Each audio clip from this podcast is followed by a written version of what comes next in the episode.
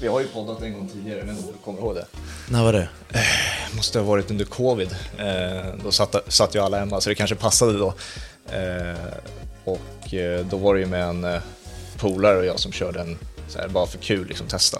Ah. Innan vi var utbildade journalister liksom. Va, vad var det om? Det var, det var om din karriär och sånt Ah, också, okej. men eh, så var det ju om eh, Serie A då. Det var, då var det ju egentligen det du kommenterade då ju, med Husfeldt ju, när du, ni körde Just det. duon där borta.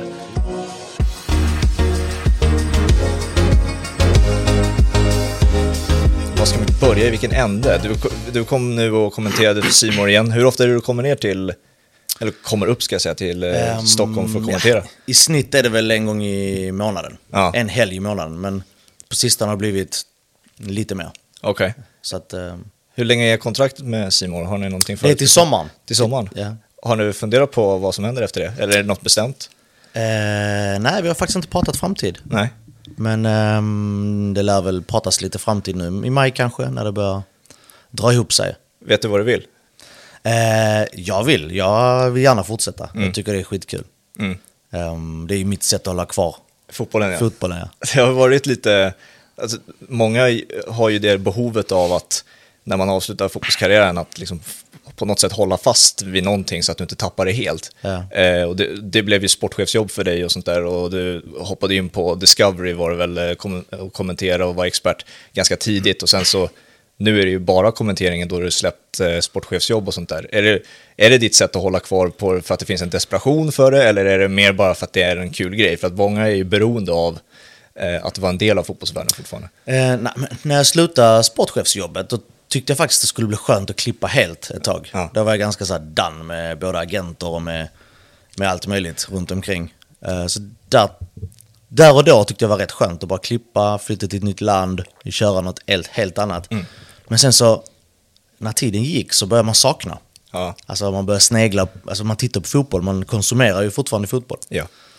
Och det är klart, då dyker det små grejer upp och då blir det intressant. Mm. Ehm, så det är inte en desperation att jag vill hålla kvar i någonting, utan det är mer passionen för sporten, att få jobba med det. Det är det som är härligt. Mm. Du- Mm. Ehm, och den här kombinationen att jag kommer hit passar ju utmärkt eh, Ja. i mitt liv. Är det fortfarande någonting du blickar med utöver kommenteringen eller är du nöjd där? Eller vill du tillbaka på något sätt in i föreningslivet igen också? Nej, det känner jag att jag inte behöver. Nej. Ehm, jag har så pass mycket att göra i, i Marbella. Det- det har du. Ja, men jag har mycket att göra där redan, så att jag, jag, jag skulle inte byta ut det. Nej.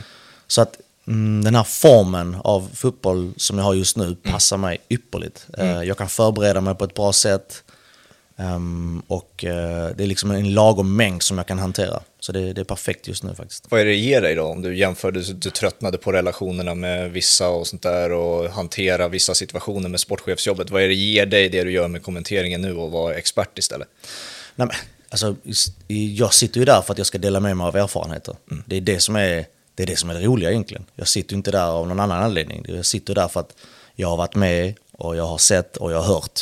Och det är, det, man, det är därför jag är där, för att eh, helt enkelt eh, dela med mig och, och, och kunna hjälpa till i situationer. Därför du är expert. För att du ska, du, jag ska ju berätta någonting som du tittar från soffan inte tänker på. Det är lite det som är mitt jobb. Det känns ju också någonting som man kan bli, bättre och bemästra mer och mer ju längre man håller på.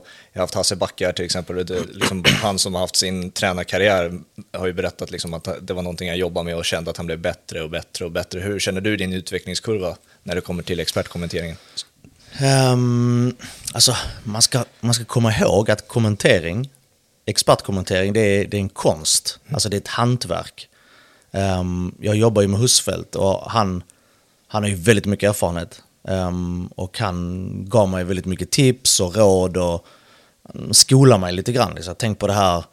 Så att, att vara expertkommentator, det det är inte enkelt alltså. Det är, Nej. inte bara det är inte bara att sitta där och babbla, utan det har med timing att göra. När ska du ge dig in? Hur långt ska du prata? Ehm, du kan inte mm, vira in dig i saker för då blir det en kontring åt andra hållet. Och så du måste klippa snabbt, Eh, du måste veta när du kan ha längre utläggningar. Eh, och det svåra egentligen är ju, konsten är ju vid målsituationer. Mhm. För jag menar, vi ser målet i realtid. Ja. Vi har inte repriser efter det. För att sen kommer ju riktiga reprisen. Och det är då vi måste kliva in Och då måste vi i realtid redan uppfattat, vad hände? Mm. Vad är det jag kan plocka i det här målet? Hade det kunnat undvikas? På något sätt.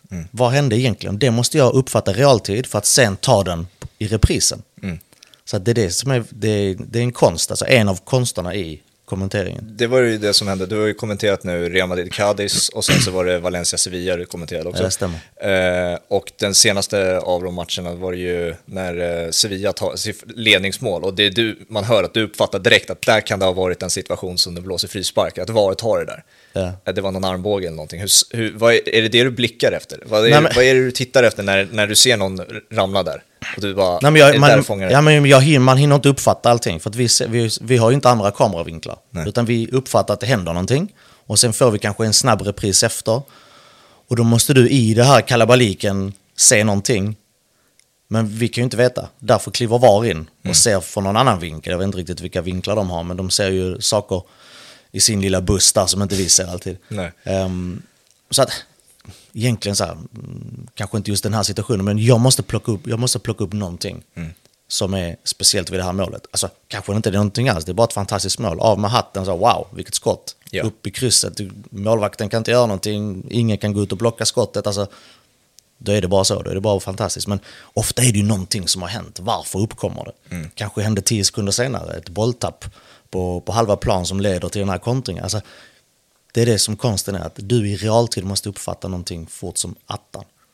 Vad är, kan du specificera vad det mer är eh, Husfeldt till exempel gav du för eh, tips eh, när ni arbetar tillsammans? Vad är det han behöver hjälp från dig som expert som Nej, men- han tyckte att du ja, kunde men sen, är det, med? sen är det också så här, han gav mig lite småtips där, men sen är det också så här, vilket samspel har du med kommentatorn? Ja. Alltså det handlar om att dansa lite framåt. Och sen ska man lyfta varandra. Alltså, man ska lyfta, mm, bekräfta det den andra säger kanske. Eh, man, ska inte, man behöver inte alltid hålla med.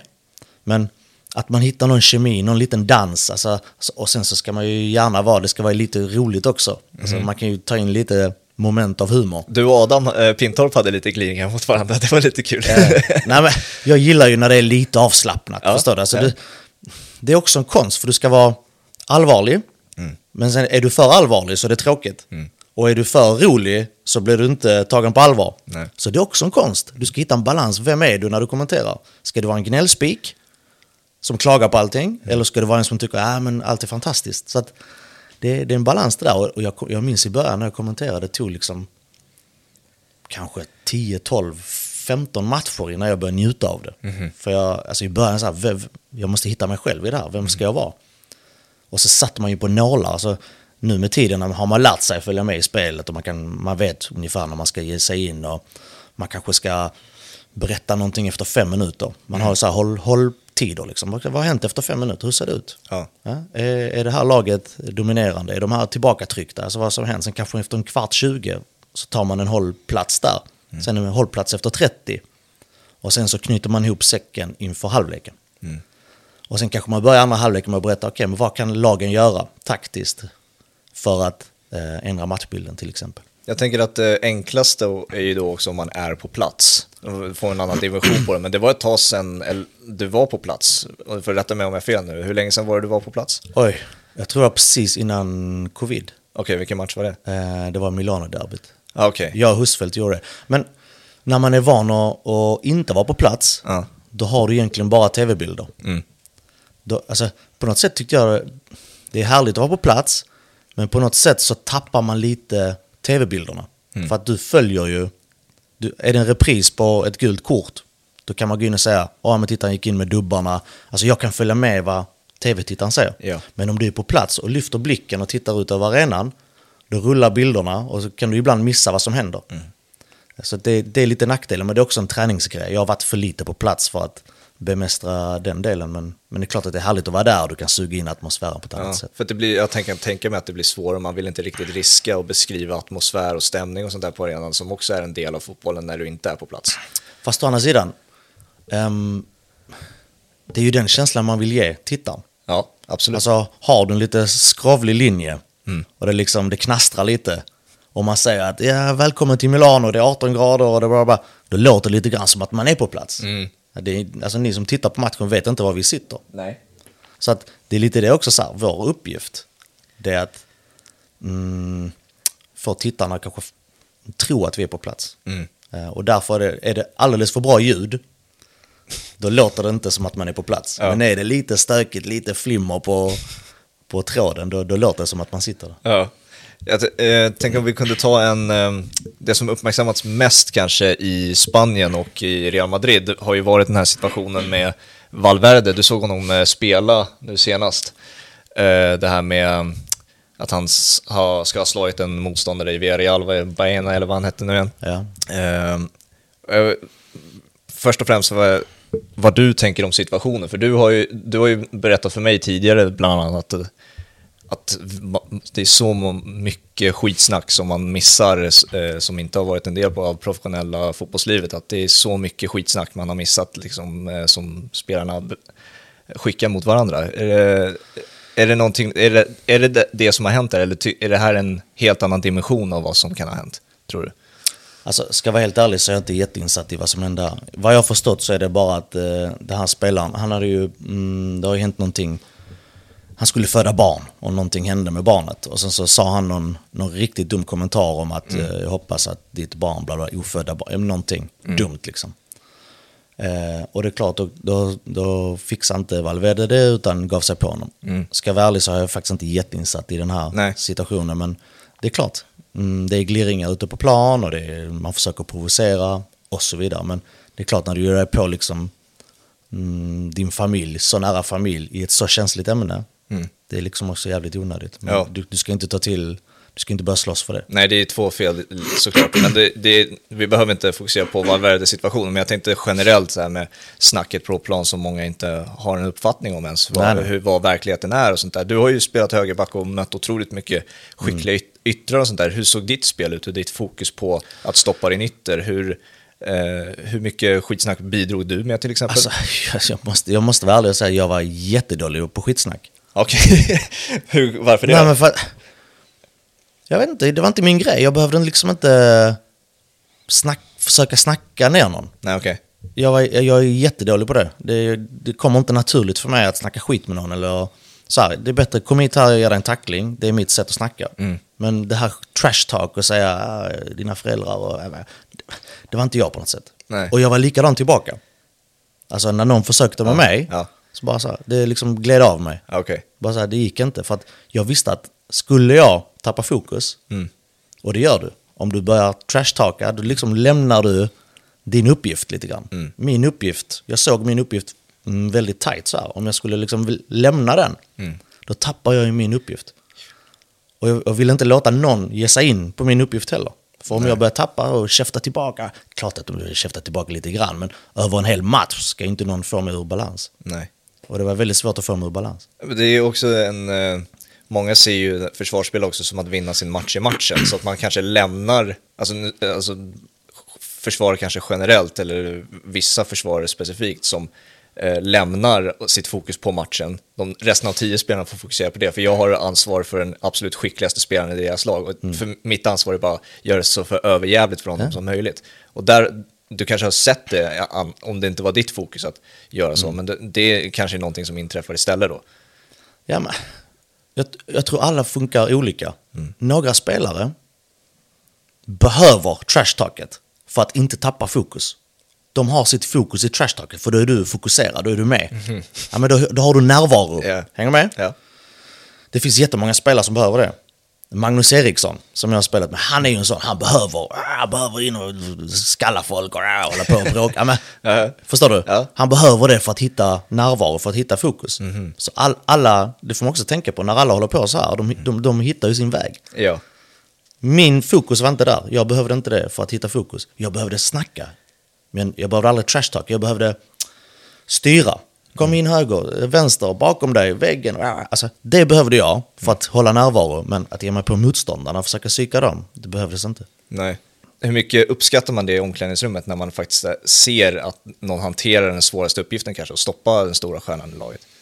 jag vet inte om det uppskattas i omklädningsrummet, men när vi pratar om ehm, incidenter som kan ge energi i en match, där kan liksom tacklingar, eh, om, om, om, om det är ett sömnigt lag, liksom där man har tappat duellerna. För ofta är det så här, du, du förlorar en match för att du tappar dueller.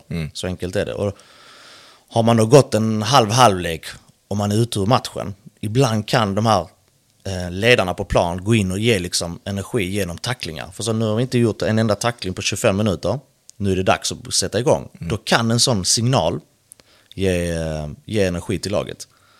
Men sen enskilda fall så här att ta hand om en stjärna, det vet jag inte om jag, Nej. om jag kan relatera till. Men, men, men just att små sådana här grejer kan faktiskt tända laget. Mm. Hur, hur såg ditt fokus ut så här dagen innan och veckan innan kanske en match? För du har ju sagt eh, att kanske den svåraste motståndaren du har mött är Ribéry och Robben i Bundesliga, så när de var i sin peak. Ja. Hur hanterade du eh, den uppgiften och eh, hur var fokuset för dig i, i den matchen när du visste att okej, nu, nu möter jag faktiskt en av världens bästa fotbollsspelare? Fokuset är väl bara att vara sjukt eh, koncentrerad. Mm. Ehm, och sen tror jag så här, mitt sätt, alla har ju olika förberedelser, men jag, jag förbereder mig genom att se bilder, att, att snurra upp um, snuttar i huvudet. Visualisering. Visualisera små videosnuttar när man gör en brytning, när man går in och tacklar, när man vinner en nickduell, när man mm, slår ett fint inlägg. Alltså, de här grejerna bygger upp. Eh, då tänker man, de här, de här känslorna vill jag ha med mig in i matchen. Så det var ju mitt sätt att liksom, så här, jag, jag, jag såg mig själv i situationer. Eh, och sen mot den här typen av spelare, det är bara liksom försöka i varje gång du är nära den här spelaren, vara sjukt koncentrerad. För du vet om att den här typen av spelaren, det är klart att du kan scouta dem. Du vet ju om att eh, den här spelaren är extremt vänsterfotad. Då vet du om att nej, men kanske, då går han inte inåt utan han vill gärna utåt. Ja, men det är klart, då försöker man liksom styra iväg honom. Och, ja, men det är klart att man kan scouta spelare. Och visst gjorde vi det. Men det finns ju de spelarna som är svårscoutade. Jo, jo. De som går inåt, utåt, uppåt, neråt. Alltså, det, är liksom, det är svåra mönster att scouta. Ofta har ju fotbollsspelare mönster. Man, man, man fungerar på ett visst sätt. Men eh, det är fortfarande svårt att stoppa dem när man väl är där. Satt du själv och scoutade motståndaren någon gång? Alltså, det brukar ju vara i mötesrummet en tränare går igenom eh, he- för hela laget, men satt du själv någon gång och fokuserade på en särskild spelare? jag kan inte säga att jag satt och gjorde anteckningar, men om jag visste att vi skulle möta Hoffenheim borta, det är klart att jag har lite koll på vem, vem spelar på vänsterkanten i Hoffenheim. Ja, men det är Ba. Okej, men hur, hur spelar han? Jo, men han gillar att ta sig inåt. Vad händer om han tar sig inåt? Jo, men då kommer ytterbacken där. Alltså, man har lite koll, men jag satt inte och gjorde anteckningar. Men sen är det ibland, har du en tränare som går väldigt djupt in i analyserna. Vi hade en tränare som tog in varje spelare kvällen innan. Så, så, imorgon möter du mm, X. X gör så här. Så, att han hjälpte oss på traven. Och så visade han något klipp. Så, ja, men det han gillar att skjuta i den här, ja men då vet man det när man hamnar där att okej men det här såg jag igår kväll. Han kommer skjuta här. Så går man fram och blockar skottet. Så att ofta kan man få hjälp på den vägen. Men självklart ska du ha lite koll själv, absolut. Mm. Jag som inte är eh, försvarsspelare är också intresserad av, eh, Van Dijk har bland annat berättat om att han fokuserar sällan på bollen utan när han är mot den så fokuserar han på ögonen. Han tittar vad motståndaren är på väg med sina ögon. Eh, och vissa har tekniken att man tittar i, rakt i bröstet, vilken vinkel han är på väg åt, sånt där, så kan man följa med. För att om man fokuserar för mycket på boll så blir, kan det bli överstegsvinterna snurrar upp en och sånt där. Hur, hur, hur fokuserade du en mot en eh, mot eh, motståndare som försökte vara dribblingsskickliga och sånt där? Jag tror som, som försvarsspelare så finns det egentligen två vägar. Alltså, an- ett, om du är en snabb försvarare. Alltså det handlar om att sätta sig i situationer där du ser bra ut. Det finns stötbryt försvar och så finns det löpa med försvar. Ja. Alltså stötbryter gör ju folk som inte vill ha eh, löpdueller. Nej. Eller de går ju fram och försöker ta bollen innan löpduellen. Yes. För de vet om att här kommer jag förlora 8 av 10. Och så finns det de, i mitt fall, jag var, jag var en snabb ytterback. Jag ville ha löpdueller. Jag stötbröt, jag, väldigt sällan som jag stötbröt om jag inte var 100% säker. Utan jag visste att springer vi, då tar jag det. Så jag ville åt det. Så att där får du liksom styra spelaren också. Okej, men varsågod, spring. Ja. Alltså då öppnar du upp din kropp och så säger du, men spring här, det är okej. Och så låter du dem springa och sen tar man dem. Även de som var snabbare än dig? Alltså, om det var en, eller du kanske upplevde att du alltid var Nej, snabbare? men jag hade, jag hade övertag på många. Ja. Väldigt många hade övertag på. De skulle vara extremt snabba om de skulle springa från mig. Okej. Så, så säker var jag på min snabbhet. Ja. Eh, ändrades någonting när, efter skadan och sånt där? För det, då tappar man väl kanske lite av, Jo, eh, det- exa- eh, av snabbheten? Jo, men det var ju ett liv innan skadan och ett liv efter skadan. Ja, så hur anpassade du den en mot en i så fall efter det? Nej, men då, då, eh, då fick jag ju, man får ju lägga upp med sitt spel lite grann. Mm. För att helt plötsligt, man hoppar inte lika högt, du kan inte trycka ifrån lika bra med ditt ben. Och ska jag vara ärlig så var det faktiskt lite jobbigt i början. För jag, det var ju liksom situationer som jag, fan det här, alltså den här tacklingen brukar jag ju ta, eller den här nickduellen brukar jag ju vinna.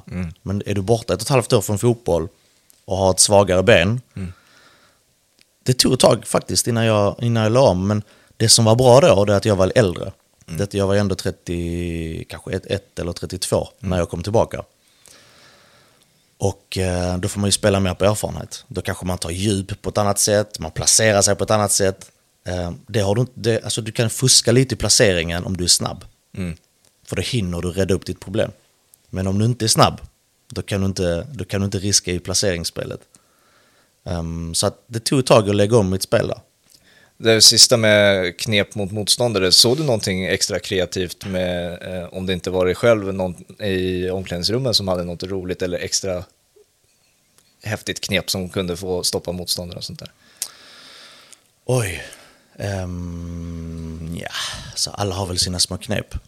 Um, men jag kan inte komma på något sådär på volley faktiskt. Nej, det, vet- det kanske finns en story, där, det finns det säkert de skickliga motståndare att de alltid kanske första duellen trampar på foten innan, eh, så att, eh, på motståndaren så att de inte vågar gå in i duellen extra hårt eller något sånt där. Nej, men sen tror jag, alltså.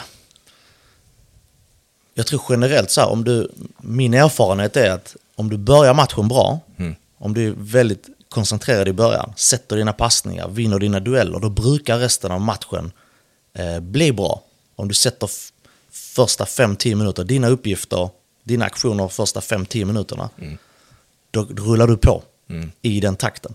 Men om du är okoncentrerad, missar några passningar, för- förlorar någon duell, åker på någon tunnel, alltså om du är liksom okoncentrerad, då tar det ett tag för dig att komma in i matchen igen. För då börjar du tänka så här, fan, nu har jag slått bort fyra passningar, så kan det komma in lite osäkerhet. Det är därför jag alltid liksom så här, jag var noga med att alltid börja matchen bra. Och då visste det var bara, då, då kunde man bara flytta med. Hade du något knep för att ifall du skulle börja dåligt eller inte lika positivt att, så här, Nej, att inte- spela mer safe eller Nej, inte, inte. Alltså, jag spelar ju ganska safe ändå. Jag var inte den som tog jättemycket risker. Nej. Ehm, I alla fall inte på egen planhalva. Så att, nej men, framförallt så tror jag att man ska vara medveten om det. Mm. Så här, okej, men nu har jag börjat lite, men nu får jag jobba mig in i matchen eh, med lite bra aktioner. Mm. Eh, tillbaka till kommenteringen. Eh, för några år sedan var det mycket mer Serie A än vad det är nu, La Liga. Vad, vad föredrar du att kommentera? Spansk eller italiensk fotboll? Ehm, jag har kommenterat mycket mer italiensk än spansk. Mm. Men ehm, jag föredrar, alltså jag kan inte säga att jag föredrar någon. Alltså, jag är inte, jag är inte fan av något lag heller. Nej. Jag har liksom inget lag närmare hjärtat. Så det är inte så att jag, har, jag favoriserar ingen liga eller lag. Så det är faktiskt ganska skönt att jag går in i en kommentering helt neutral. Jag har liksom inget lag som jag bryr mig mer om än något annat. Men jag tycker om, alltså det är ju samma sport vi pratar om.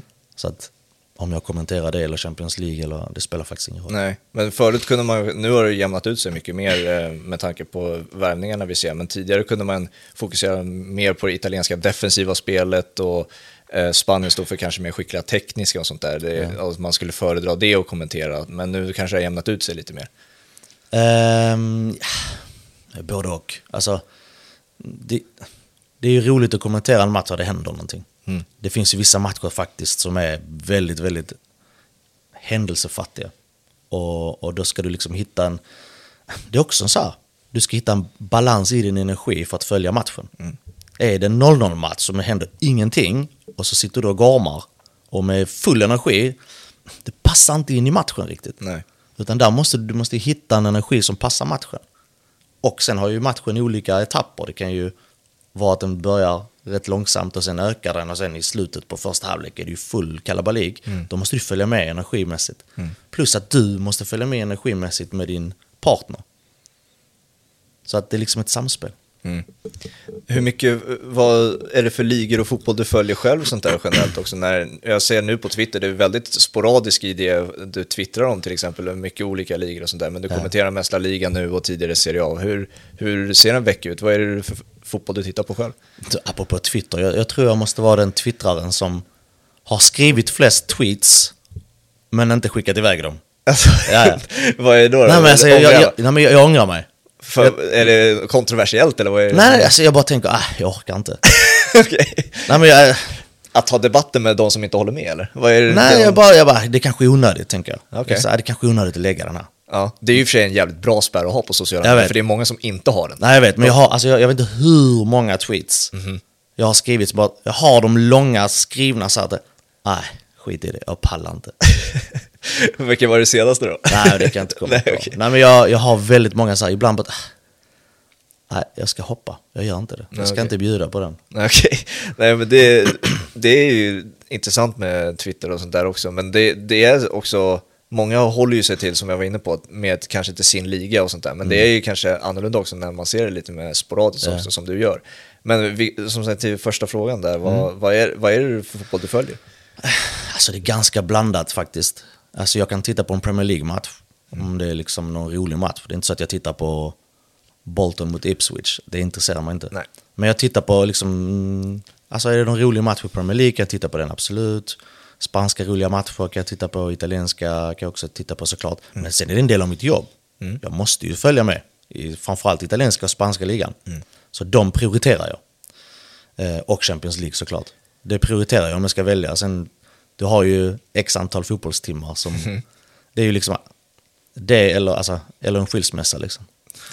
Eh, Bundesliga då? Ja. Det är ju någonting som du tidigare har kommenterat om jag inte minns fel. Det var ett tag sedan kanske, men Mm. Ja. eh, det, det är ju fortfarande en liga du kan väldigt bra, du Ja. har spelat där själv och så vidare. Är det mindre av det numera?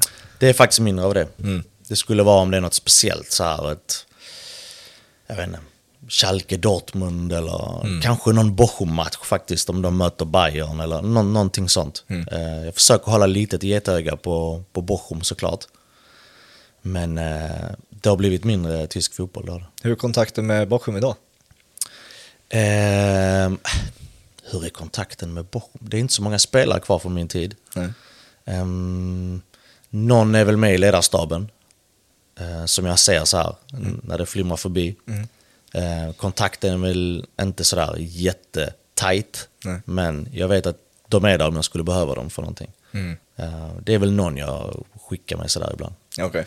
Det, det är ju, hade ju såklart varit en extra krydda och väldigt kul att ha det med, just nu med Tyskland-kommenteringen. Och det är ju också en liga, nu är ju det, har ju inte Simon den rättigheten, men det, man- jag har haft eh, Kevin Bader här och Henrik Strömblad här som också eh, verkligen älskar tysk fotboll och Bundesliga. Och det är en liga som är underskattad, för, eh, kan jag och de också tycka, med tanke på att vi i Sverige följer mest Premier League och Allsvenskan och sen that's it.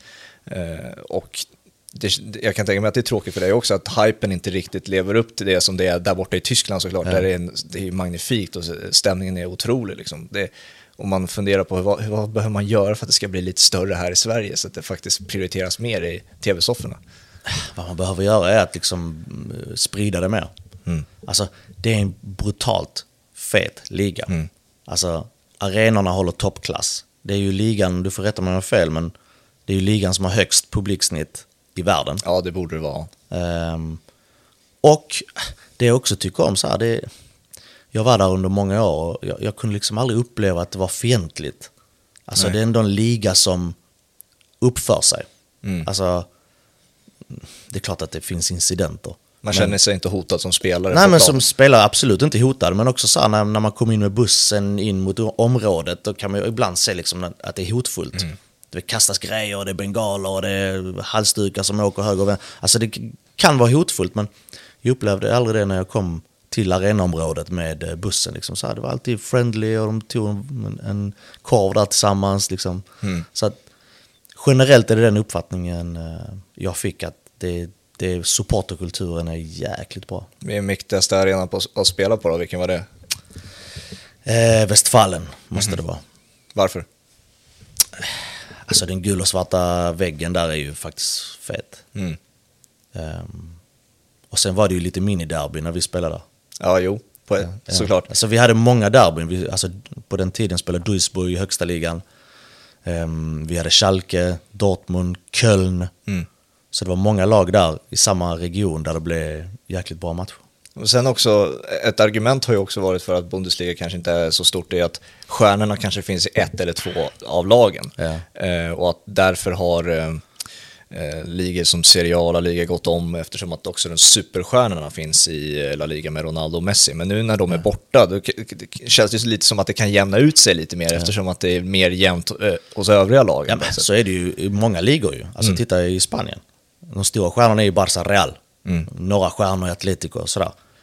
Men ehm, jag menar Dortmund har ju feta stjärnor. Bayern har bra spelare. Alltså, Det är klart att det finns eh, i Tyskland också. Jag tycker den borde få lite mer utrymme faktiskt, eh, tyska ligan. Mm. Nu är det ju utrymmet eh, med München och det som händer, allt kaos. Hur mycket, hur mycket följer du det? Du menar tränarkarusellen? Tränare, ja, ja. ja, det, det som är administrativt i München just nu är ju lite kaosaktigt. Ja. Nej men det är klart att jag, jag följer det som, det som rapporteras, eh, såklart. Eh, Det är lite konstigt det där med, med... Det har varit två lite speciella tränarbyten nu som har gått, gått undan. Ja, vad var Alltså- spontana tankar kring den här? Vad, vad tycker du?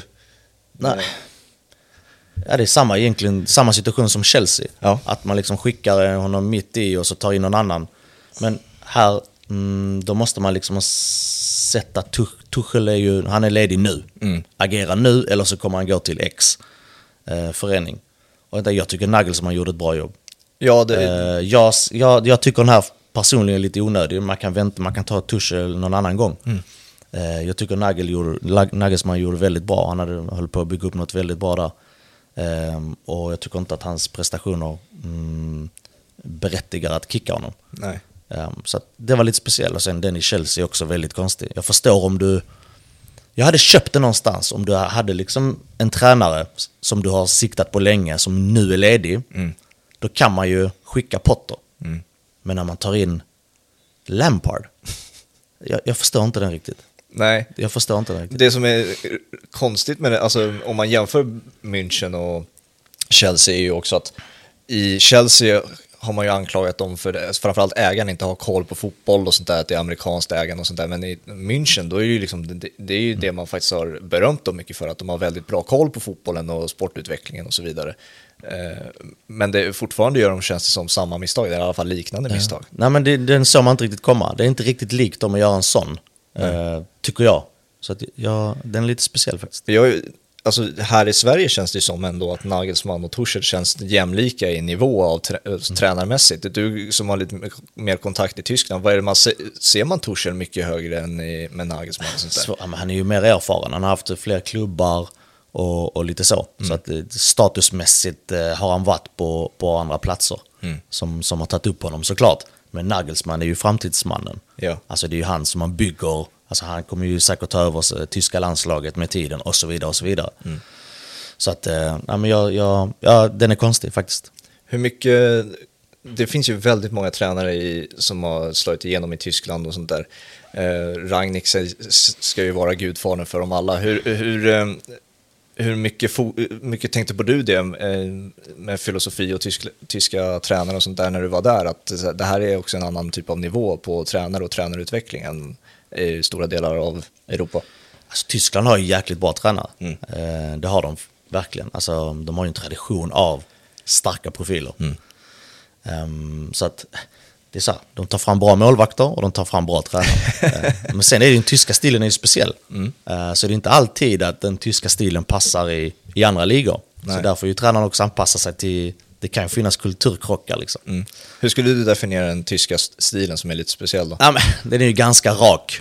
Det är ganska rak eh, tysk stil liksom. Ehm, eh, den, är, den är öppen, den är rak, den är... Alltså, vi har haft tränare som gått in första träningen och sagt att ni duar inte mig, ni niar mig från och med nu. Åh fan. Eh, alltså, det finns en hierarki till och med hur du pratar till folk. Här Okej. duar vi ju alla. Ja. Du märker inte om jag har mer respekt för en äldre människa Nej, som nej, sitter här. Men i Tyskland är det väldigt så här, det väldigt mycket, hierarki och, och sånt där man ska ta, ta eh, i beaktning också. I laget, väldigt mycket hierarki i lagen. Mm. Krä- Man kräver respekt på ett annat sätt från sina spelare och sånt där. Något som inte heller alla spelare kanske uppskattar, att det, man, man vill ju gärna att tränaren och spelaren ska vara på ungefär samma nivå så man kan ha en dialog, att det ska vara högt i tak och sånt där. Alltså både och. Både och. Jag kan ändå tycka så här, jag tycker att det ska finnas en distans mellan spelare och tränare. Men att tränaren ska kunna komma ner. Alltså, måste kunna titta dig i ögonen också. En tränare som är alldeles för högt upp och flyger, som du inte får kontakt med och som kör sitt eget race, det brukar sällan bli bra. Utan det ska finnas en distans, men det ska också finnas en känsla. Um, Åge Hareide var en sån. Han hade distans, men han, kunde, han var också väldigt mänsklig. Okej. Han kunde gå ner och prata med dig som två vänner, men du visste fortfarande att det är han som är chefen. Det, blir, det, du ska inte, det ska inte bli din vän, utan Nej. han är fortfarande tränaren. Det är fortfarande din, din, det är han du ska lyssna på. Upplever du att det skulle kunna, för jag har haft, eh, jag har, eh, haft eh, Al-Sanati här, Sirius-spelaren till exempel, som verkligen hyllade sin tidigare tränare, att det nästan var som mer som en polare än någonting annat, och att det hjälpte honom som spelare, att han kände att det verkligen var någon man kunde luta sig på och ha liksom, man fick en klapp på axeln istället och sånt där. Jo, jo, men Eh, det kan du fortfarande få. Mm. Du kan få ja, men det är det som är konsten som hos en, hos en tränare. Han ska ju vara din vän, Mm. men ska fortfarande vara din boss. Det är ju den balansen. Mhm. Han ska inte vara för mycket vän, han ska inte vara för mycket boss. Nej. Man måste hitta den balansen. Ja, eh, jag tänkte vi kunde också byta ämne till, det här har du redan fått prata om en del eh, i poddar har jag sett redan och sånt där. Det uppmärksammas ju en del, den här bilden, får se om vi kan få upp den. Eh, här har vi logen, eh, Haalands hå- loge. Ja. Eh, ja, vi får ta upp den. Men hur, eh, för de som inte har följt, jag har ju lite koll på storyn bakom, hur, hur gick det till att du fick eh, plats i Haalands loge eh, Champions League-matchen mot Leipzig när han gör re- rekord fem mål i Champions League, delar rekordet? Alltså egentligen så... Egentligen var... För att vi pratade om att vi skulle åka ner och hälsa på. Mhm. Ehm, och då sa de, ja men kolla ut en match som ni, som ni kan komma. Mm. Och då tänkte jag, det var faktiskt min idé att ta Leipzig-matchen. Okej. För att Foppa spelar i Leipzig. Ah. Och då tänkte jag, då har jag liksom en kompis i varje lag. ja. Egentligen, om man inte... Ja, exakt. Så jag valde den matchen. Och då passade alla och sa, okej perfekt, kom upp till vår loge, kör vi den matchen där. Mm. Så det är inte så egentligen. Hur, hur går snacket i logen egentligen när, det är, när man får se fem mål och en sån där typ av prestation? För att det, det kan ju också, fokuset blir istället på kanske matchen och en fantastisk prestation, det här är något historiskt vi får se och sånt där. Och så är alla nära och kära i- och sånt där. Det måste vara något alldeles extra på ett sätt. Ja, det var det. Minst sagt bra timing på, eh, på vår, vårt besök. Nej, men det är klart att det är en, det är en cool situation. Alltså, det är klart att det är speciellt. Ehm, han blir historisk. Eh, vi, sitter med hans pappa, mm, eh, bonusmamma, flickvän. eh, alltså alla, hans närmsta sitter ju där. Mm. Så det, var, det var en cool situation verkligen. Vad säger pappa Haaland? Vad är det för typ av... Han är ju mentor, pappa och en del, på ett sätt en del av agent, även fast han har agenter också, Haaland. Men så här, vad, vad är det för typ av reaktion man får av honom i en sån situation? I, i, uppe i logen? Ja, uppe i logen. ja, men han, han, sitter ju, han är ju rätt fokuserad på matchen. Men så är det klart, när det blir mål så exploderar han ju. Alltså det är han som firar mest. Hoppar och det är high fives och det är ju kaos där. Eh, Men han är, i- emellan målen så sitter han väldigt fokuserad. Han vill verkligen se vad som händer. Och sen måste jag säga att det är ju han som är egentligen en stor bidragande orsak till Erlings eh, framgång. Ja, Ja. På vilket, det har man ju fått höra på många, men eh, på vilket sätt eh, Nej, men, upplever du att det Han styr väldigt mycket. Han styr. ehm, han, st- han är med i kontrakt, eh, förhandlingar och... Alltså han är, han är väldigt inblandad i vad som eh, sker kring Erling. För han håller också en balans i att en kille som är så ung och så framgångsrik vill alla ha en liten del av. Alla vill komma nära en sån kille. Eh, och han håller balansen där verkligen. Liksom, det här är bra för dig, det här är inte bra för dig. Han styr honom väldigt mycket. Och jag tror det är väldigt skönt för Erling att ha en pappa som har varit med i gamet också. Eh, som vet vad det handlar om att spela på den här nivån och, och kan guida honom hela vägen. Liksom. Eh, så det tror jag är faktiskt väldigt avgörande för honom. För att inte liksom spåra iväg. Det är ju lätt hänt, har du 200 miljoner på banken och är 23 år, det kan lätt hänt att du spårar. Liksom. Hur mycket tror du därför, nu har han ju kommit in i stimmet igen, men det var ju en liten period där både Manchester City men också Haaland blev ju ifrågasatt trots att han slår sina målrekord och allt det där, att han inte passar in eh, i spelstilen, han är brutalt bra individuellt och, och sånt där. Hur mycket eh, eh, har, det, har du upplevt att det påverkat honom och pappa och sånt där, eller är de väldigt självsäkra på sig själva och beslutet de har tagit och sånt där? Ja, det tror jag. Alltså, mm, jag vet inte exakt mm, i det här ämnet hur det har påverkat, men jag tror de är rätt trygga i, eh, i situationen. Ja, och det är där, ens, det kan, där kan han kliva fram och säga, vet du vad, du har inte gjort mål nu på tre matcher. Kör på bara. Det kommer komma. Alltså han är ju stödet för Erling där.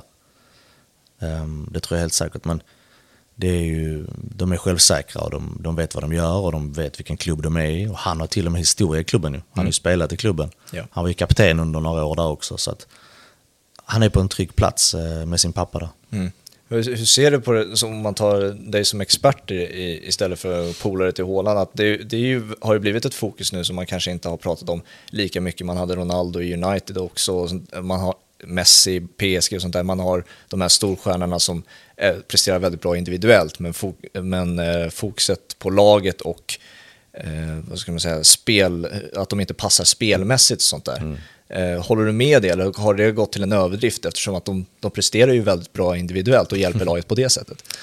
Alltså, jag tycker bara det blir ganska fånigt att kritisera och säga att inte han passar in i systemet när han hänger så mycket mål och gör så mycket nytta för laget och avgör så många matcher för laget. Att sen sitta och säga att han inte passar in i systemet, det tycker jag blir ganska fånigt. Ehm, men sen är det också Guardiolas uppgift att hålla dem lite grann. Alltså, Han har ju många stjärnor i laget. Ja. Eh, Så det här är inte one man show, tycker jag. Nej. Mm. Alltså de har jättemånga bra spelare i det här laget, så att de beror inte helt och hållet på honom. De skulle vinna matcher utan Haaland också. Han är ju bara en extra krydda som sätter extra mål. De kan vinna med 2-0, men när han är med så vinner de med 5-0. Så att, jag vet inte. Jag, jag, jag ser inte mm, som ett problem att han skulle spela där på något sätt. Nej, nej men det, det är inte bara Haaland som sagt, utan jag tycker det är, jag är också blir provocerad och tycker det är väldigt tjatigt och jobbigt när det är en, vilken spelare det än nu gäller som presterar bra individuellt, att fokuset ska vara, att man ska på något sätt hitta ett sätt att trycka ner dem istället. Och bara, Jo men så är det ju. Att det är, folk vill alltid hitta någonting. Men alla lagen behöver också individualister. Mhm. Alltså de behöver ju folk som sticker ut så här. De behöver ju folk som, som är individuellt skickliga för, för att avgöra matcher. Mm. Alltså när, när en match står och väger och det blir straff. Det är inte så enkelt att hoppa in i 87 minuten 0-0 och sätta straffen. Du behöver psyke, du behöver ju den här typen av spelare som, som är stensäker i de här situationerna. Holland går fram och tar straffen. Tack så mycket. Tre poäng. Precis. Eh, hur, pratade du någonting förresten med Foppa efter matchen? Det var ju mycket Haaland-fokus, men hur, hur var det med... Nej, vi, hör, vi lyckades faktiskt aldrig träffas. Vi, Okej. vi hördes av och vi skulle ses, men vi kom lite sent in till Manchester och han var på hotellet. Samma matchdag. Liksom, man vill inte störa, man vill inte ses. Det är ganska slutet när man på matchdag liksom, i Champions League. Så att vi hördes lite grann, men vi hann faktiskt aldrig ses. Nej, okej. Eh, hur mycket delar ni erfarenheter? Om, det, om ni är kompisar och sånt där, tidigare fotbollsspelare och sånt där. Hur mycket har ni pratat fotboll generellt, du och Erling Haaland? jag tror, framförallt så tror jag det är rätt skönt för honom att ha någon som faktiskt har spelat eh, på nivån som han spelar på, alltså i Bundesliga. Ehm, för att jag tror han känner sig lite trygg där. Liksom. Jag är inte där för att ta massa bilder på honom eller hålla på och springa efter honom, utan på en middag kan vi sitta och prata fotboll. Ja, men du vet, det är ju samma intressen. Liksom, så här. Man sitter och pratar om ja, klockor. Han älskar ju klockor. Alltså, sitter man och pratar om klockor och bilar och vad, du vet, vanligt mm, snack som man har i ett omklädningsrum. Ja. Och jag tror han, jag tror han kan la- vila lite i det att "Uff, ja, men här är en som, vi pratar samma språk. Mm. Jag tror han tycker det är lite skönt faktiskt. Okej. Är det någonting han har uttryckt att det är annars, att det är mycket som man behöver hantera med snack utifrån och så, distraktioner snarare, när, det inte, när man inte bara kan sitta och slappna av så att säga. Ja, men tänk dig själv. Så fort han visar sig ute, då ska ju alla gå fram och snacka. Ja, det är svårt, och det, svårt att föreställa sig. Ja, men det, det, det är bilder och det ska snackas och det, alltså, vi var ute och körde mm, en liten, vi skulle kolla på några villor. Och så älskar han ju sin golfbil. Så han körde golfbilen bakom mig, för vi skulle åka och titta på en villa. Ja. Du vet, folk stannade, tutade och körde alltså, närmsta vägen i rondellen och sen tillbaka körde efter honom. För att de såg att i en golfbil sitter du öppet.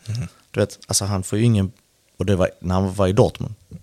Då var han ju populär, men nu är han ännu mer populär. Ja, exakt. Så att det är klart att alla vill ju dra i honom och ställa frågor och hålla på. Därför jag tror att min känsla är att han tycker det är lite skönt att bara prata med någon som också har spelat fotboll. någonstans.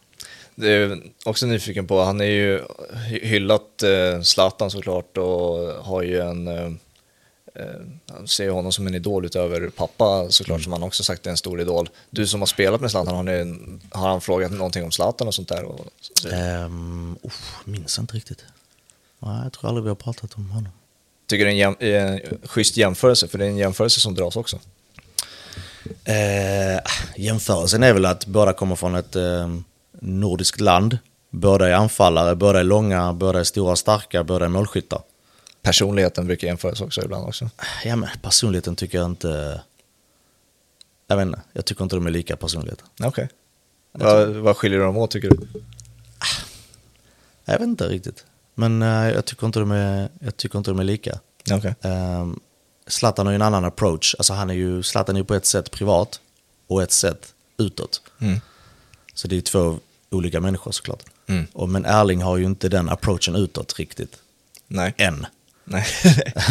Det kan ju vara att han börjar köra, köra en annan stil senare, men han är ganska laid back. Mhm. Ehm, det är han ju. Eh, sen är det klart, någon intervju har han väl liksom varit trött. Mm. Men de, de har ju faktiskt fått bort lite grann de där intervjuerna. Ja, och så det var ju en, eh, det fanns ju en kaxighet som många uppskattade och gillade också det här med Champions, Mr Champions League, att han sov med Champions League-bollen, han lyssnade mycket på Champions League-hymnen eh, när, det när det var viktiga matcher och sånt där. Det var det som, eh, sånt med personligheter, det eh, skiljer ju båda i två, två led, antingen älskar man sånt eller tycker det är sånt jättejobbigt. Men eh, det, det är som du säger, det har han ju också lugnat ner sig med en del också. Ja. Nej, men sen mognar han väl lite grann också. Alltså, han blir också lite äldre, Mm. eh, Erling Haaland. Och det är klart att kanske pappan också sagt det, vad fan. kom igen, de här intervjuerna du gjorde dem i, i Dortmund, liksom, kom igen. Ja. Det ser inte så bra ut. Nej. För det var några intervjuer där, var, han var ju lite trött. Mm. Så det känns som att han ändå fått bort lite av det där. Mm. Eh, men annars, eh, han har en väldigt, mm, han har en lång, för att gå upp till Zlatans nivå, eh, så har han ju några år kvar att prestera. Eh, på tal om Zlatan, det någonting som man kan jämföra er två med utöver att ni har spelat med varandra och sånt där. Han har ju fått en eh, roll nu i ett lag som du har beskrivit att du hade i slutet på din karriär. Det här med papparollen har du ju eh, själv eh, kallat det. Någonting som man brukar kalla att Zlatan har i sina lag numera. Eh, och jag är nyfiken på så här, hur mycket skiljer den rollen sig åt i jämförelse med hur det var med yngre och sånt där. Hur, hur anpassar man sig till fotbollen i jämförelse med de två olika rollerna? Hur man anpassar sig till fotbollen. Jag tror att man, bara, jag tror att man flyttar lite fokus bara. För att när man är yngre så var väldigt mycket fokus, alltså, i alla fall jag, så här, när du är yngre och mitt i karriären, då är väldigt mycket fokus på dig och din prestation. Men när du kommer tillbaka som lite så, äldst i laget, lite pappa, du ska liksom hålla dem i handen när det blåser lite. Då tror jag du flyttar fokus till prestationen som laget har. Mm. Eh, I alla fall var det så för mig. Jag, bara, så jag, la mig, jag la mig själv lite åt sidan och tänkte att fan, om du är pappa här och du är äldst och du är mest erfaren, då är min uppgift att hålla ihop gruppen och att vi ska vinna saker tillsammans. Jag åsidosätter min prestation lite. Så var det för mig i alla fall. Trivdes du i den rollen? Eh, jag trivdes i den rollen. Mm. Jag trivdes i den rollen. Um, gjorde jag. Mm. För att eh, på ett sätt, det blir ju mer fokus då, mindre egoistiskt fokus, mer på gruppen. Det, och sen om man fokuserar på eh, laget och sånt där, måste du nästan se alla också. Är det, är det svårt när det är en så stor trupp också? Man ser ju, det, det är lätt att fokusera bara på de som spelar. Eh, Du får ju nästan se det utifrån ett tränarperspektiv, att du måste se en hel trupp och sånt där också. Såklart, men det är ju det som är lite så här. Alla, alla lag som presterar bra har oftast en homogen grupp. Mm. Eh, det är min erfarenhet. De gånger vi har vunnit SM-guld, de gånger vi har gjort bra prestationer, det är när gruppen har varit mm, i harmoni. Mhm. Det har inte varit, alltså, det finns alltid grupperingar. Det finns alltid grupperingar, det kan du inte komma ifrån. Det är den yngre gruppen, de som är 19-20 håller ihop. Det är utlänningarna är på ett, sen är det några juggar som håller ihop. Sen är det, alltså, sen är de äldre, över 30 som håller ihop. Det, det kommer du aldrig ifrån. Nej. Men på någonstans gäller det liksom att... Kan man kalla det mood manager? Mm. Alltså någon ska liksom så se till så att alla har det bra. För att när alla har det bra, då tycker man det är kul. Mm. De som spelar, de elva som spelar, mår alltid bra. Men den stora frågan är hur mår de andra som inte spelar?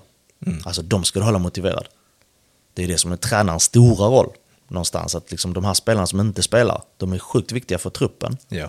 de, när, du, när du slänger in dem ska de kunna prestera. Men du måste hålla dem igång, du måste hålla dem mentalt igång.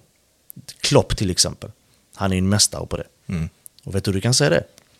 Nej, berätta. Ja, men titt- titta på avbytarna när de är på, på väg in. Mhm. Kolla på kroppsspråket på dem. Kolla på hur han går fram till dem och pratar med dem. Mm. Du vet, de står på nålar, de vill bara in. Det är inte någon trött som bara åh fan ska jag in nu i 70 minuten, alltså låt mig sitta kvar där, du är en idiot. Det är inte den känslan Nej, man får. nej. Utan titta på avbytarna när de kommer in. Mm. Hur de kommer in, de första stegen in på banan, de lyser. Mm. Jag vill vara med, ja, jag känner mig viktig. Det är, de, det är det som är tränarens stora grej, att motivera dem. Ja, det var, Chicharito har ju en, en liknande historia när han berättar om Ferguson, när han blev, eh, liksom, han blev inkallad till Fergusons eh, på kontor och så säger han så här, du kommer inte spela den här eller den kommande matchen, men den tredje som kommer, då kommer du spela och du kommer vara viktig och du kommer göra mål. Och så utspelade det sig så, han gjorde mål i den där tredje matchen.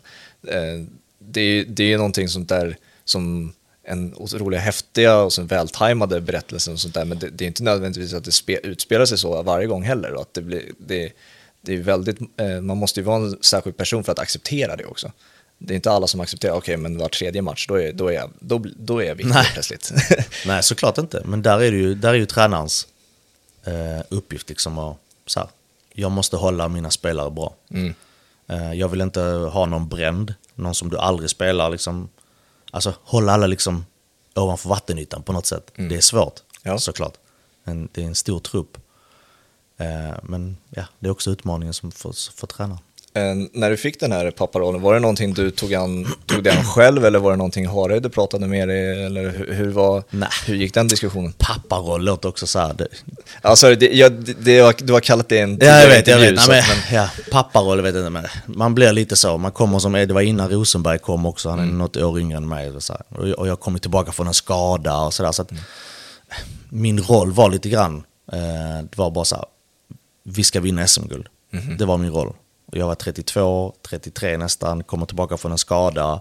Så här, mm, jag la mig lite själv åt sidan. Jag har haft en lång karriär. Det viktigaste var för mig att ta ett SM-guld med Malmö. Eh, sen om han använder mig, perfekt.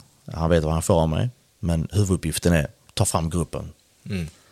Ehm, och, ja, det är en roll som passar. Jag var så här, jag trivdes i alla roller egentligen. Jag, jag, jag trivs som den unga spelaren, jag trivs som han som är 25-26 och jag trivs som den som var 32, 33, 34 också. Mhm. Så jag, jag hittade alltid min position där jag trivdes. Du har ju pratat om eh, den mentaliteten som denna, vissa av Malmöspelarna hade Mm. från den truppen. Och så här, Rosenberg nämnde du dig själv och sånt där. Va, om du skulle sätta fingret på det, vad, vad, vad innebär den mentaliteten lite mer exakt? Uff, alltså jag tror inte, det är svårt att beskriva. Mhm. Det är jättesvårt. Alltså är du inte från Malmö och spelat där i ungdomsåren, det är liksom svårt att säga vad det är. Men det, det är liksom en... Det är en vinnarmentalitet blandat med en kaxighet. Blandat med en ödmjukhet. Alltså det är liksom en mix av olika ingredienser som du får med dig. Okej. Så det, det är jättesvårt att säga.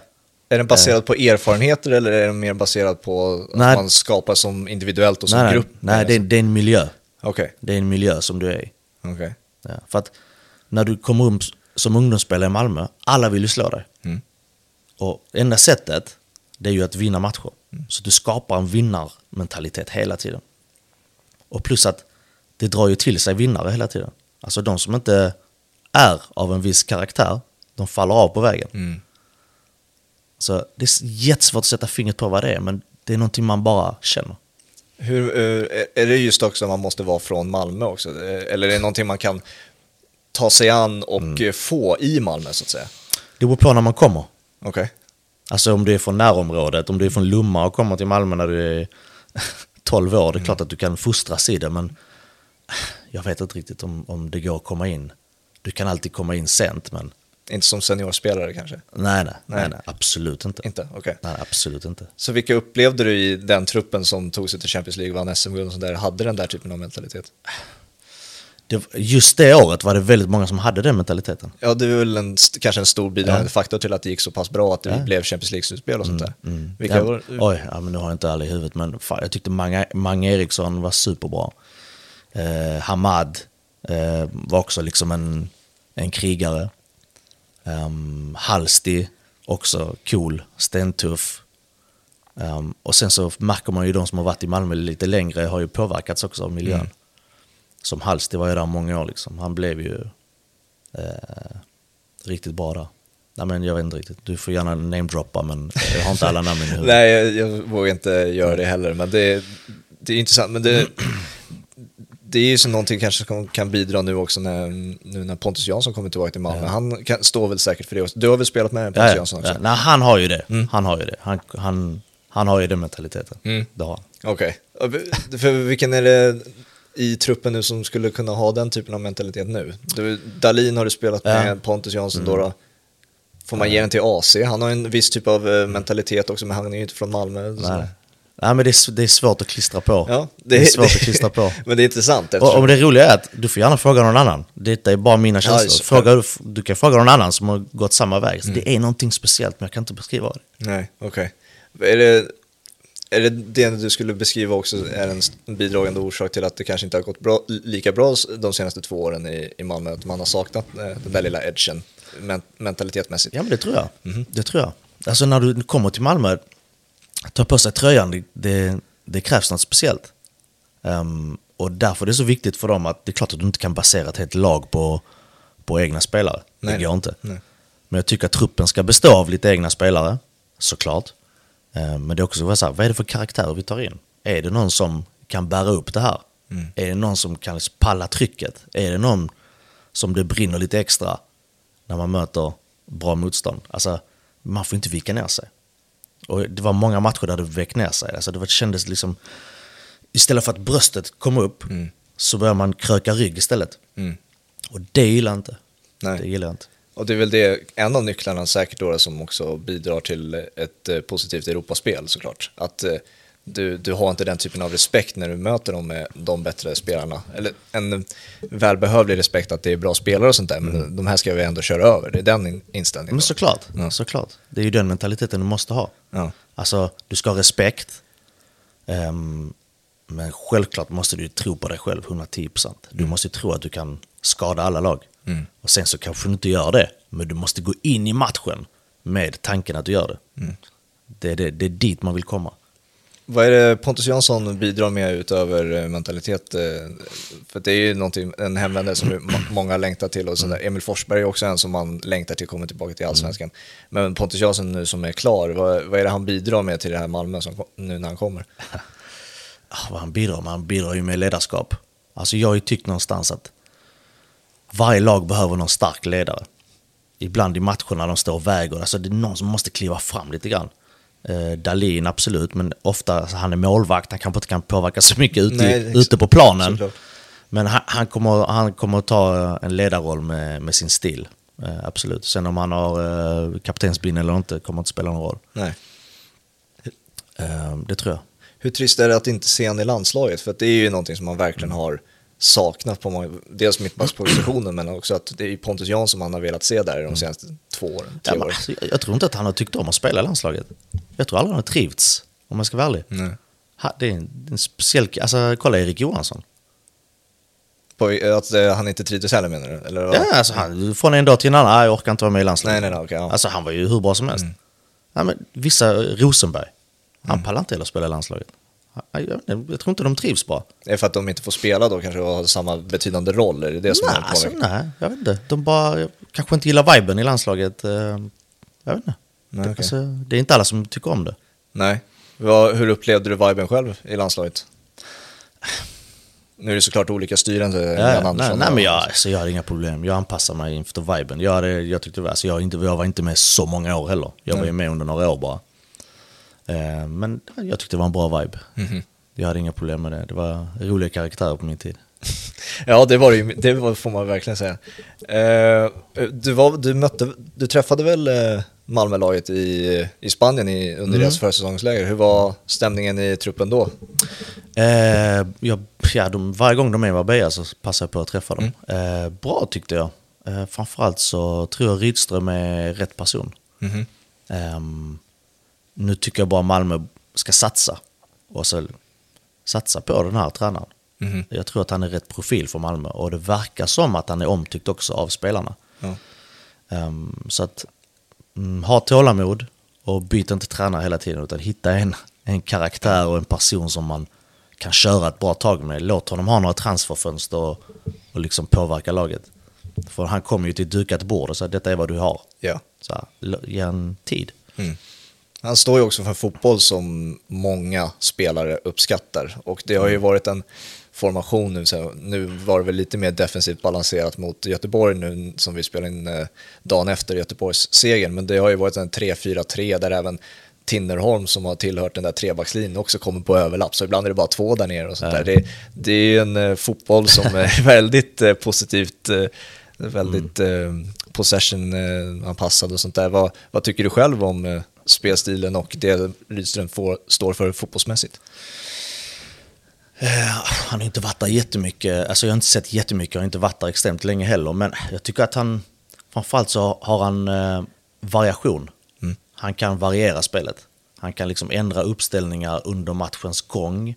Det tror jag är sjukt viktigt i dagens fotboll. Du ska kunna liksom gå ner på en fembackslinje och sen ska du kunna ändra en trebackslinje under matchens gång. Och alla som är på plan ska vara, vara medvetna vad som händer. Ehm, där tror jag, alltså, jag har sett lite tendenser av att han har en bra variation i det. Ehm, det kanske var en stor drastisk grej jag tog här med fem och trebackslinje, men du förstår vad jag Ja, menar. jag fattar. Ehm, sen tror jag att han... ehm, jag vet inte. Alltså jag tror att har du varit spelare för inte så himla länge sedan. Jag tror det är en fördel att ha en, en tränare som har varit spelare. Han förstår hur, hur spelaren tänker. Han vet om, okej men nu tar vi två dagar off. Jag vet hur det är att ha trötta ben. Eh, den känslan måste en tränare ha. Han måste liksom veta när det är dags att dra i handbromsen eller när man kan trycka på och så vidare. Så att det, det kan du bara veta om du har spelat själv. Det där sättet eh, som du var inne på, att kunna anpassa, det var ju någonting som, du får rätta mig om jag har fel här, men jag, ty jag tyckte man kunde känneteckna ert eh, lag där i, med Europaspel och sånt där, att ni kunde gå från att verkligen driva anfallsfotboll och verkligen vara possession-inriktade och dominera lag på det sättet i allsvenskan, men sen också vara väldigt bra på att ställa om och kanske vara lite mer defensivt lagda i, i Europa eftersom att det är mer skickligare lag med boll och sånt där. Är det, eh, stämmer det eller är det Ja, en felaktig bild? Nej men det stämmer såklart. Ehm, alltså, man måste anpassa sig efter motstånd också. Ja, även om, eh, även om ja, så är det ju. Är du ute i Europa och möter Rangers och de har jättebra offensiv, ja men då måste du kanske tänka, ja, men det kanske inte funkar, vi kommer inte vara det laget som har bollen. Nej. men då måste man tänka lite annorlunda. Men möter man sen mm, Kalmar nästa vecka, då förväntar sig att vi ska ha bollen. Mm. Då har du en annan uppställning. Men sen tycker jag så här, Rydström har fått en bra start. Men det har också varit lite flax om man ska vara helt ärlig. Ja, alltså, tre- BP liksom kunde stått 2-0, kunde ha varit förbi där, två sena mål. Eh, Göteborg här såg jag inte igår, men 1-0. Tre uddamålssegrar har det varit. Nej. Exakt, så att liksom, han har ju haft stolpe in, Rydström. Mhm. Och Malmö är ju sånt lag, alltså Malmö måste ju starta serien bra. Mm. Så att startar Malmö serien bra, då blir det tufft för andra att hänga på. Ja. Men startar Malmö dåligt, då ger man andra lagen luft. Och då kan det liksom bli jämnt. Mm. Eller till och med som det var förra året, att de var helt under isen. Mm. Hur mycket allsvenskan följer du då? Eh, Nu när vi var inne på att Äh. prata om hur mycket Alltså, fotboll du följer. Ja, men lite grann det gör jag. Ja. Lite grann. Ehm, jag följer absolut långt ifrån allt. Ehm, men ehm, jag försöker Malmös matcher, Djurgårdens matcher, derbyn och sådär försöker jag titta på. Mm. Men ehm, inte allt. Nej, lite tuff start för Djurgården också. Sen eh, kanske som har varit lite uppskattande i alla fall den tuffa tiden i AIK som tidigare Djurgårdsspelare. Med hur tufft det har varit där kanske. Jag vet inte hur, hur mycket du fokuserar på Stockholm nu också. När, hur mycket skiljer du åt liksom med, med Malmö och Djurgården? Hur mycket, är det 50-50 där eller hur, hur ser du på det? Hos mig? Ja, hos dig. Uff, det är en fråga jag ofta får. Ja. Eh, Men jag är, väldigt, jag är hårt förknippad med Malmö ju, Mm. i och med att jag är därifrån. Så att, eh, det är svårt att säga. Jag har känslor för, för Djurgården för att jag spelade där och hade en bra period där. Men jag tillhör ju Malmö på något sätt. Mm. Eh, Det är svårt att komma ifrån. Men jag har otrolig respekt eh, och jag följer Djurgården verkligen. För det hade jäkligt bra år där. Mm. Vad, vad tror du om deras säsong om man ska ta den? Eh, för det är också ett favorittippat lag såklart med truppen och laget de, de har. Um, ja, men, Djurgården tror jag har en bra framtid. Eh, Framförallt så tror jag de har två bra tränare. Mm. Eh, Busse är ju där och kör på. Mhm. Eh, så att Och de, de känner ju varandra nu också. Liksom. Alltså det, det gäller att det finns ett samspel mellan sportchefen och tränarna. Att det finns en bra dynamik där. Um, sen tror jag att de har fått in bra spelare och, och kommer kunna locka till sig bra spelare i framtiden också. Men navet är ju tränarduon som får vara kvar och bygga. Um, så att det ser väldigt intressant ut, tycker jag. Det är ju också en eh, tränarduo som har, eh, som många vill eh, ska testa på i, la, eh, i landslaget som förbundskapten. Är det någonting du eh, tycker också hade varit spännande att se? De två som förbundskaptener? Nej, det vet jag inte. Okej, för det är ju någonting man ska fundera, det är ju en intressant tanke, vem är det som ska, när det väl nu blir, när Jan Andersson, vem, eh, vilken är den där tränaren som Oj. man tycker är spännande att se, som man gärna vill, som tar över i landslaget? Ja, det är svårt att nämna än, Ja. eftersom att det, det är inte någon verkligen. favorittippad. Nej, bra fråga faktiskt. Den har jag inte funderat på riktigt. Om man tar den från eh, allsvenskan, då är ju Rydström och tränarduon i Djurgården liksom de två hetaste namnen såklart. Men kanske för tidigt för dem eller inte aktuellt heller för Nej, jag, jag, jag ser ingen av dem som mm, landslagstränare nu Nej. i alla fall. Eh, men kanske i framtiden. Men jag ser, ingen, jag ser inte dem som ska kliva in efter Janne. Ska man ta något internationellt? Det hade Mm. kunnat vara kul att se en internationell tränare i landslaget för en gångs skull. Ja, det, det hade varit häftigt faktiskt. ja, precis. Mm. Komma med lite nya idéer, och lite ny mentalitet, Ja. lite nytt eh, tänk. Vad, vad, vad är det du vill se i svenskt lag, landslag som saknas nu tycker du? Alltså, jag vet inte, alltså jag, jag stör mig ibland när jag ser landslaget. Mhm. För att det Jag tror man måste gå tillbaka lite till vad svensk fotbolls alltså DNA var Mm. någonstans, du vet så här. Nu är det så här, för min smak, det är lite för mycket gårdsfotboll. Det är Okej. för mycket tiki-taka. Alltså det är för mycket lira in till mållinjen. Ja, okej. Det, är, det är ju många som vill se en mer eh, av den typen av fotboll, mer utvecklad. Alltså, Alltså, ja, ja. och säga? sen försvaret sitter ju inte. Nej. Alltså, försvaret har ju varit det som har varit Sveriges bas. Mm. Sätt försvaret, sen kryddar du med, med spelare framåt som kan göra saker. Men Mm. när inte försvaret sitter, då är det inte så mycket kvar av laget. Mm. För att det faller igenom. Men för min, för min smak är det för lite karaktärsspel. Alltså för lite tyngd, för lite kraft. Det är för mycket så här liksom klackar och tunnlar och... Alltså det passar inte. Nej. På något sätt, det är min känsla. Ja. Nej, men det är också, man, argumentet har ju varit att det är de typerna av spelarna vi tar fram nu och därför ska vi kanske röra oss åt det hållet. Men samtidigt när vi har rört oss åt det hållet har det inte gått bra. Nej. Sen nu när vi faktiskt gått tillbaka back to basic med vår klassiska 4-4-2 har inte det heller funkat. Nej. Så det känns lite som, var- vart ska man ta vägen? Ja, på exakt, men det, det är det som är det svåra ju. Det är Ja. ju alltså, nya generationer, du vet, det går fortare, det är eh, konstgräs, alltså Mm. det är ju den generationen som kommer. Ehm, men jag vet inte om det är det landslaget behöver någonstans. Alltså någonstans, mm, uppenbarligen ser det ju inte bra ut. Nej. Eh, men väldigt duktiga spelare, alltså offensiva positioner också, de måste ju utnyttjas bättre. Mm. Men när det blir liksom, när jag säger tiki-taka, då ska du inte missförstå mig. Alltså tiki-taka får du jättegärna, på, jättegärna göra på vissa delar av planen, men inte på hela planen. Nej. Så det är, det är lite för smått spel för mig. Det är lite för, det är inte rejält. Nej. Och det, det är det som har varit Sveriges DNA. Lite. Det har varit rejält, det har varit tufft att möta Sverige. Det har varit jobbigt att möta Sverige. Det är rejält. Alltså det är liksom tunga... ehm, det var tungt att möta Sverige på något sätt. Det, det är ju många som eh, säger också att förknippar med att 4-4-2 är den liksom, det som har varit eh, problemet att det inte är tillräckligt eh, anpassat efter spelarmaterialet man har och sånt där. Det ska vara det man spelar med internationellt och det de gör i klubblag och så vidare. Hur upplevde du 4-4-2 kontra andra formationer?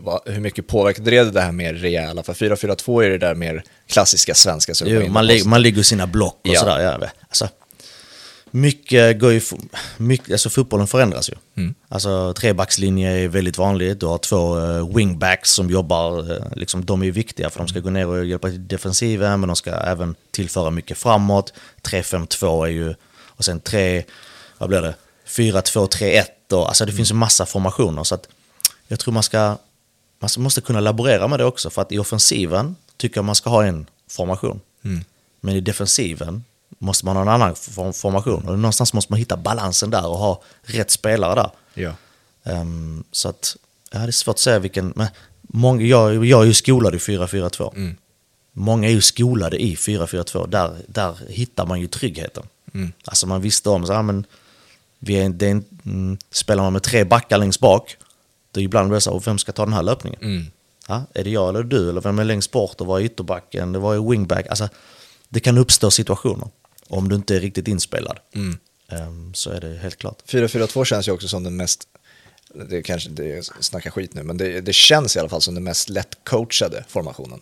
Eftersom de, det är sina block och du har en alltid bredvid dig och sånt där. Det är, du står sällan själv och ensam nästan oavsett vad du är på planen och sånt där. Däremot så bidrar det till lite luckor, framförallt på mittfältet och sånt där. Så det finns ju en obalans i det sätt, på det sättet också. Ja, men det, det är svårt att säga vad som är lättcoachat och svårcoachat. Jag tror det handlar om vad du har för spelare. Jag, jag personligen kan tycka liksom eh, två balansspelare. Eh, titta på Milan till exempel, de har Benazer och eh, eh, Tonali. De två är balansspelare. Så har man liksom fri, fria tyglar till spelare runt omkring. Det tycker jag är bra för de håller alltid balansen. Ja. Alltså, du, någonstans måste du liksom hålla ihop laget. Eh, och därför gäller det att ha rätt karaktär på rätt ställe. Ja, men då, då är det kanske snarare så här fyra och tvåan är mer stationära och de resten, även fast de tillhör den 4-4-2, blir lite mer rörelser kring det och sånt där. Att Foppa ut, kommer in centralt och sånt där från sin vänsterkant och sånt där. Det som har varit lite problemet är ju att de är väl, lite mer stationära kanske och det blir svårt att öppna upp det. Eh, Ja, en av problemen. Mm. Ja. Vad, vad, vad tror du om eh, kvalet vi är i med svenska landslaget? Tror du vi tar oss vidare med tanke på hur Ah. svajigt det har sett ut? Man får ju hoppas det, verkligen. Ja. Man får ju hoppas det. Eh, jag vet inte vilka matcher är nu nästa gång. Österrike är i juni, borta tror jag eh, då, Det är ju liksom, det är ju Belgien som favorittippas och sen är det ju Sverige eller Österrike som tar den andra platsen. Då. Eh, och Österrike har ju vi slagit ut tidigare i andra kval, men då var det med under Zlatan och Hamrens tid och sånt där. Så att, och det är ju en David Alaba där. Och Nej men det är, alltså Österrike är ett bra lag faktiskt. Så det är ingenting man bara joggar sig igenom. Eh, men man hoppas ju såklart eh, att de ska klara det. Mm. Ja, jag vet inte hur länge vi har kört. Jag tror vi har kört ett bra, bra tag nu, så jag tänkte att vi kunde runda av här. Stort tack att du kommer. Tack själv. Eh, får vi se om du nästa gång du är i Stockholm eller lite längre fram så får du gärna gästa igen. Det är alltid kul att snacka fotboll, kul att träffas. Super, inga problem. Eh, ni andra, stort tack för att ni har lyssnat. Vi hörs igen snart igen. Ha det bra. Ciao. Tja.